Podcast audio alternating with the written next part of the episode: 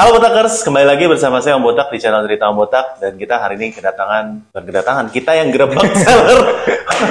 kita gerebek seller Om Burhan di Yes. Maula Hijab. Halo, halo, halo, halo. Ya, Halo Om Botak, selamat datang loh. Selamat datang dulu kan, Ny- menyapa tamu, menyapa tamu. thank you. Kali ini edisi spesial ya Pak Botakers karena kita ada bukan cuma saya yang menanyanya, kita ada top seller lain yang Wes. ikut kita dalam acara hari ini ya. Kita kebetulan besok ada nobar Lazada di mana Om Burhan adalah speakernya ya salah satu speakernya. Jadi buat teman-teman yang belum join eh, membership ya jangan lupa buat join supaya dapetin konten-konten dari nobar kita besok ya. Membership eh, intermediate bisa dapetin semua video-video dan juga ada video Lazada, eh, ada video Topet, ada video Shopee, lebih dari 100 video sudah kita upload di sana. Jadi, jadi jangan sampai nggak nggak jadi botakers. Oke. Rugi banget ya. Rugi banget. Yes. Nah, Om, ya, kita mau ngomongin hari ini soal brandnya yang Om punya yang udah bangun dari awal yaitu brand. Maulah Hijab. Nah, mau ini as- asal asal dari dari dari mana Om? Itu sebenarnya nama istri saya, Om. Weh, kan kelihatan romantis banget ya. Padahal ya agak seromantis itu, dan Jadi sebenarnya dulu itu pas kita bangun itu kan kita pakai kebetulan mau perebutan kan mau pakai burhan hijab apa maulah hijab gitu. Burhan hijab kan lebih menjual sebenarnya tapi ya situ kekuasaan tertinggi di atas tangan wanita ya udah jadinya maulah hijab. Kalau namanya sendiri sih emang nggak ada arti apa-apa ya cuman simple diambil dari nama istri waktu itu. Baik. Karena sebenarnya inisiatornya istri. Hmm. Inisiatornya karena kan yang punya action ketertarikan di hijab kan bukan saya. Nah, waktu itu istri saya Iya. cuman memfasilitasi aja, mengembangkan lebih tepatnya, lebih mengembangkan. Jadi asal mula brand Maula Hijab dari situ sih. Sejak tahun berapa? Kita mulai itu sejak tahun 2000 2017. Itu langsung jualan online Om di sana. Betul, karena sebelumnya itu kan saya sama istri sama-sama programmer.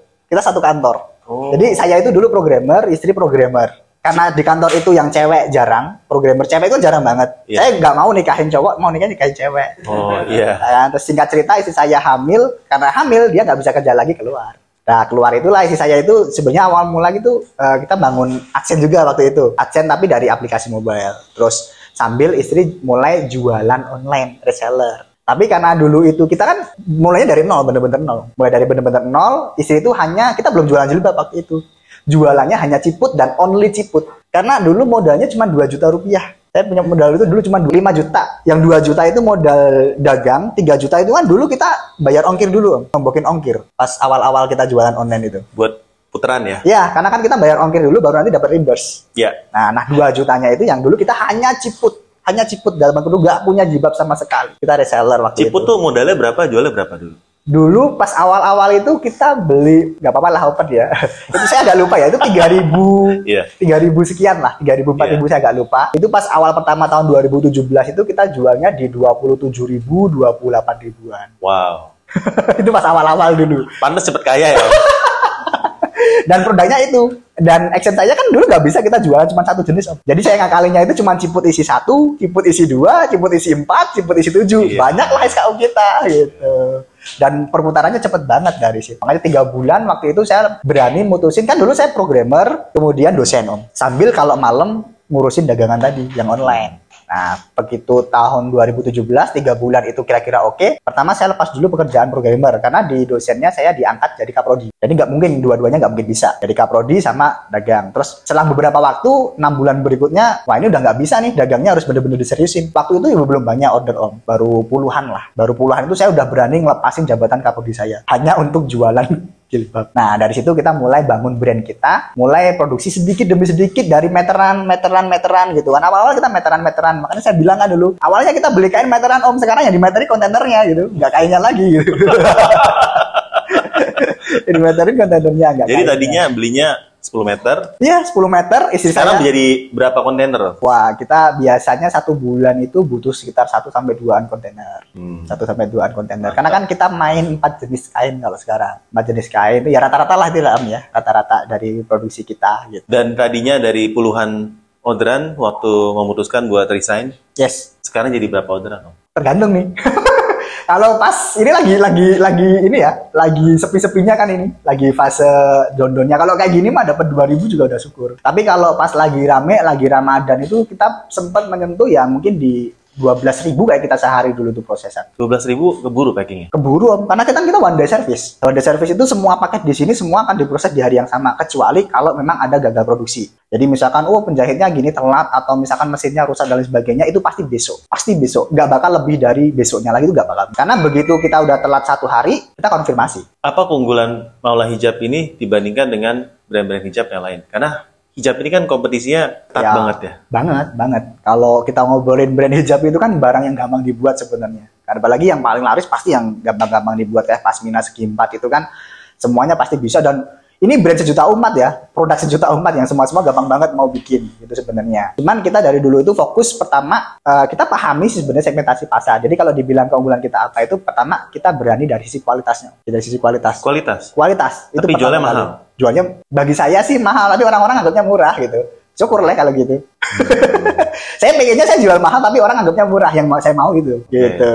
Berarti eh, dari sisi kualitas, Kualitas layanan pastinya. Jadi kita Dan one day layanan. service. One day service dan kita berani memberikan garansi. Garansi. Makanya kalau produk kita jelek, nggak cocok atau berubah pikiran, ya silahkan dibalikin aja gitu. tapi di online yang bisa men- menawarkan itu kan sebenarnya banyak. Yes. Murah, eh, harga juga, kualitas juga bagus, Ya. servis juga bisa kirim hari yang sama. Ya. Kok orderannya nggak sebanyak Maula Hijab? Ya, karena nggak cuman itu bumbunya.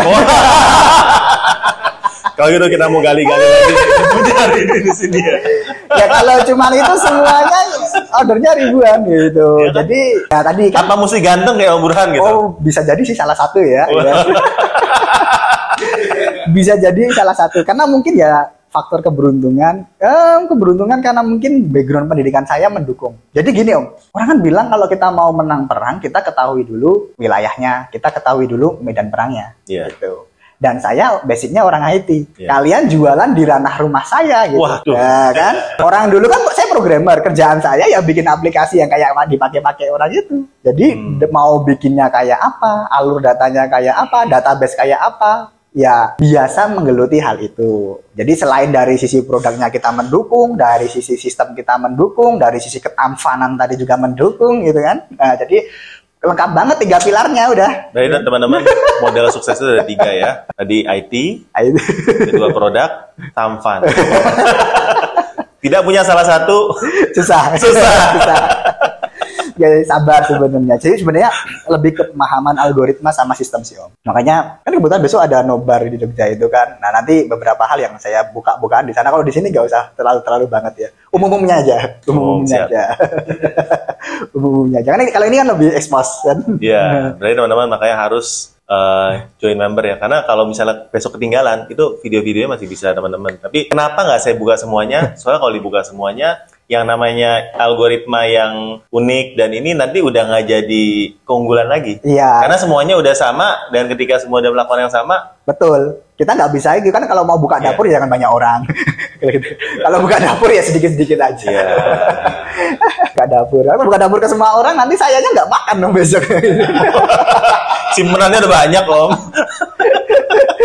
Tapi dari empat ini ya, Hmm? kalau om mau bisa meramal masa depan, ya sebagai dari dulu IT programmer, sebagai yang buat ini dan melihat dari sikon dari behavior dari orang Indonesia sekarang. Kalau boleh pilih, cuma boleh pilih satu aja sekarang. berat Marketplace ya. mana yang yang om pegang, tempat lainnya nggak jualan? Aduh, berat ini. berat ini. Karena karakteristiknya beda-beda ya. Karakteristik beda-beda. Karakteristiknya Iya. beda-beda antara eh, Anggap karena memang kita ngomongin fashion ya, Yes. fashion muslim eh, dengan price range-nya Maula dan dengan ah. kualitasnya Maula. itu saya berat antara tiga tempat soalnya. Oh, Shopee, tiga tempat. Lazada, sama Tokopedia. Kalau TikTok suruh lepas saya berani lepas. Tapi kalau Shopee, Lazada, Tokopedia itu susah. Kalau sekarang lo ya, mungkin malah kalau kemarin saya pilih Lazada, tapi kalau sekarang saya pilih Shopee. Why? Waduh itu berat banget ya. Iya. kalau tapi sebenarnya tiga tiga tempat itu tuh kulturnya be- berbeda. Jadi mereka yang bisa survive sampai akhir tuh ya apa the big three itu. Eh, Tokopedia itu lebih ke anak muda meskipun dia itu ke cowok tapi tidak ada tidak ada kata terlambat untuk nanti dia pelan-pelan akan merambah ke cewek. Gitu. Semua orang mengenalnya Tokopedia marketplace para cowok. Tapi branding untuk UMKM untuk kita itu Tokopedia itu paling bagus dari sisi pengembangan brand. Gitu. Jadi kalau kita mau branding masa depan, Tokopedia tempatnya. Jadi di sana dukungan untuk kita para seller untuk membangun toko untuk secara brand itu Tokopedia. Dari sisi masa, Shopee. Shopee itu dari sisi masa, dari sisi karena di sana ya customer paling banyak di sana. Kita nggak bisa bilang. Ya. Grow customernya year on year-nya mereka meningkat terus. Ya. Kemudian tapi diimbangi dengan sellernya, tapi persaingannya juga berat di Shopee. Tapi kalau bicara kemudahan sama ya untuk saat ini sih Lazada gitu. Padahal menurut banyak dari apa Botaker sama banyak komen yang masuk, mereka menganggap Lazada itu justru yang paling sulit Paling sulit. untuk jualan. Ya, karena apa ya kalau orang bilang orang Jawa bilang itu kan ya menurut pepatah orang Jawa kan jelatan burhani muafik kan al isau minal kulina ya isoh itu merga karena terbiasa bisa itu sulit enggak itu kan kata-kata relatif om gampang mudah sulit keras empuk ya kan Ya. sulit itu seberapa sulit Oke, berarti ini Mudah. namanya burhanologi ya. burhanologi, Burhanologi. Ya, karena kalau mau nonton video dagingnya besok atau teman-teman langsung join besok acara. Tapi kalau saya jalanin ya dari sisi apa dulu sih sebenarnya? Kalau dari sisi pendaftaran campaign paling gampang itu ada dari sisi ini teknis-teknis kecil-kecil aja ya. Dari sisi apa namanya? Apa pun tuh paling gampang Lazada kalau menurut saya. Kalau menurut saya sih pribadi. Dari apa pun Lazada. Ya, daftar campaign dan lain sebagainya itu fitur-fiturnya lebih memudahkan di Lazada. Tapi ya kayak gitu. Ada beberapa rule-rule yang teman-teman harus tahu. Yang orang-orang nggak tahu, makanya kerasannya jadi susah. Tapi kalau misalkan udah tahu, wah itu lebih gampang. Karena orang-orang kadang mempertimbangkan, ah di sana harganya fix kan kalau di Lazada itu ya kita harus di bawah harga campaign itu gitu. Kalau di Shopee itu kan kadang kita suka-suka sendiri nentuin harga kita sendiri kayak gitu. Mungkin orang-orang anggap susah gampangnya dilihat dari sisi itu. Kalau saya kan lebih global, bahkan dari sisi bagaimana algoritmanya, memahami algoritmanya, bagaimana kita memenangkan perangan di sana gitu kan. Hmm. Banyak faktor itu. Kalau gitu saya eh, ada satu dua pilihan ya, pilih satu ya. Mall atau seller biasa? mall. Udah nggak perlu dijawab itu, pasti mall. Pasti mall. Pasti mall. Mahal loh fee-nya. Nggak apa-apa. Tapi banyak, apa enak trafficnya gitu. Enak traffic ya. Enak. Enak trafficnya. Jadi kalau ditanya mall apa biasa, wes nggak usah pakai ragu mall itu mall. Tapi ya baru saja di take down sih. Baru aja diusir saya. Cuman makin berat. Saya nggak tahu sih. eh, nggak tahu di belakangnya ada apa ya kan. Cuman kalau ditanya seller biasa apa seller mall, ya Iya. pastinya seller mall. Kenapa? Satu untuk masa depan. Jadi ketika kita di mall itu nanti ke depan kita punya spesifik customer yang berbeda dengan yang di seller biasa. Sorry to say ya, jadi di seller yang biasa itu untuk cheaper customernya masih banyak. Jadi kita untuk membangun loyal customer itu berat. Karena maunya murah, nggak peduli brand. Maunya murah, mau apa? bar- maunya barangnya bagus, tapi harganya murah. Kalau di sana customernya modelnya Oh berarti itu mau cari paling murah, yang banyak diskonnya, betul. belum tentu loyal, Yes. banyak maunya rewel, Ya, reviewnya juga sembarangan misalnya. bangun kepercayaannya juga lama. Jadi nggak worth untuk dipertahankan juga. Tapi kalau kita itu punya embel-embel mall, di bawahnya nggak ada ulasan, nggak ada review, orang pasti mau beli. Karena ini mall. At least saya punya 14 hari untuk balikin. Dan terpercayalah, Lazada aja ngasih dia logo mall, kan gitu. Logika saya sebagai customer sih kalau saya.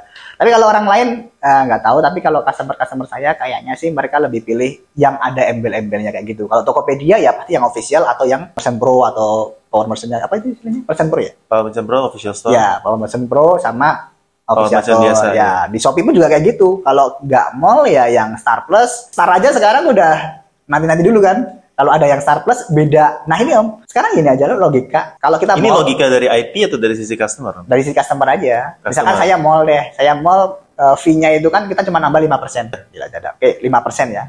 Gede 5% om. Oke, kita coba hitung aja. Nah sekarang anggap aja saya jual barang Iya. 20 ribu, 5 persennya berarti kan 1000 Ya, ya kan? Berarti saya nambah seribu rupiah.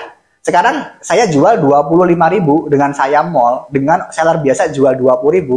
Ada orang yang mau pilih dua puluh lima ribu tapi dia mall, lebih terpercaya. kalau harga 1 juta, 5 persennya kan 50 ribu. Nggak masalah, nggak masalah. Satu juta. Lah untungnya dia berapa? 20 ribu. Nah saingannya jualnya berapa? Mas satu satu juta untungannya puluh ribu. Itu terlalu sedih ya.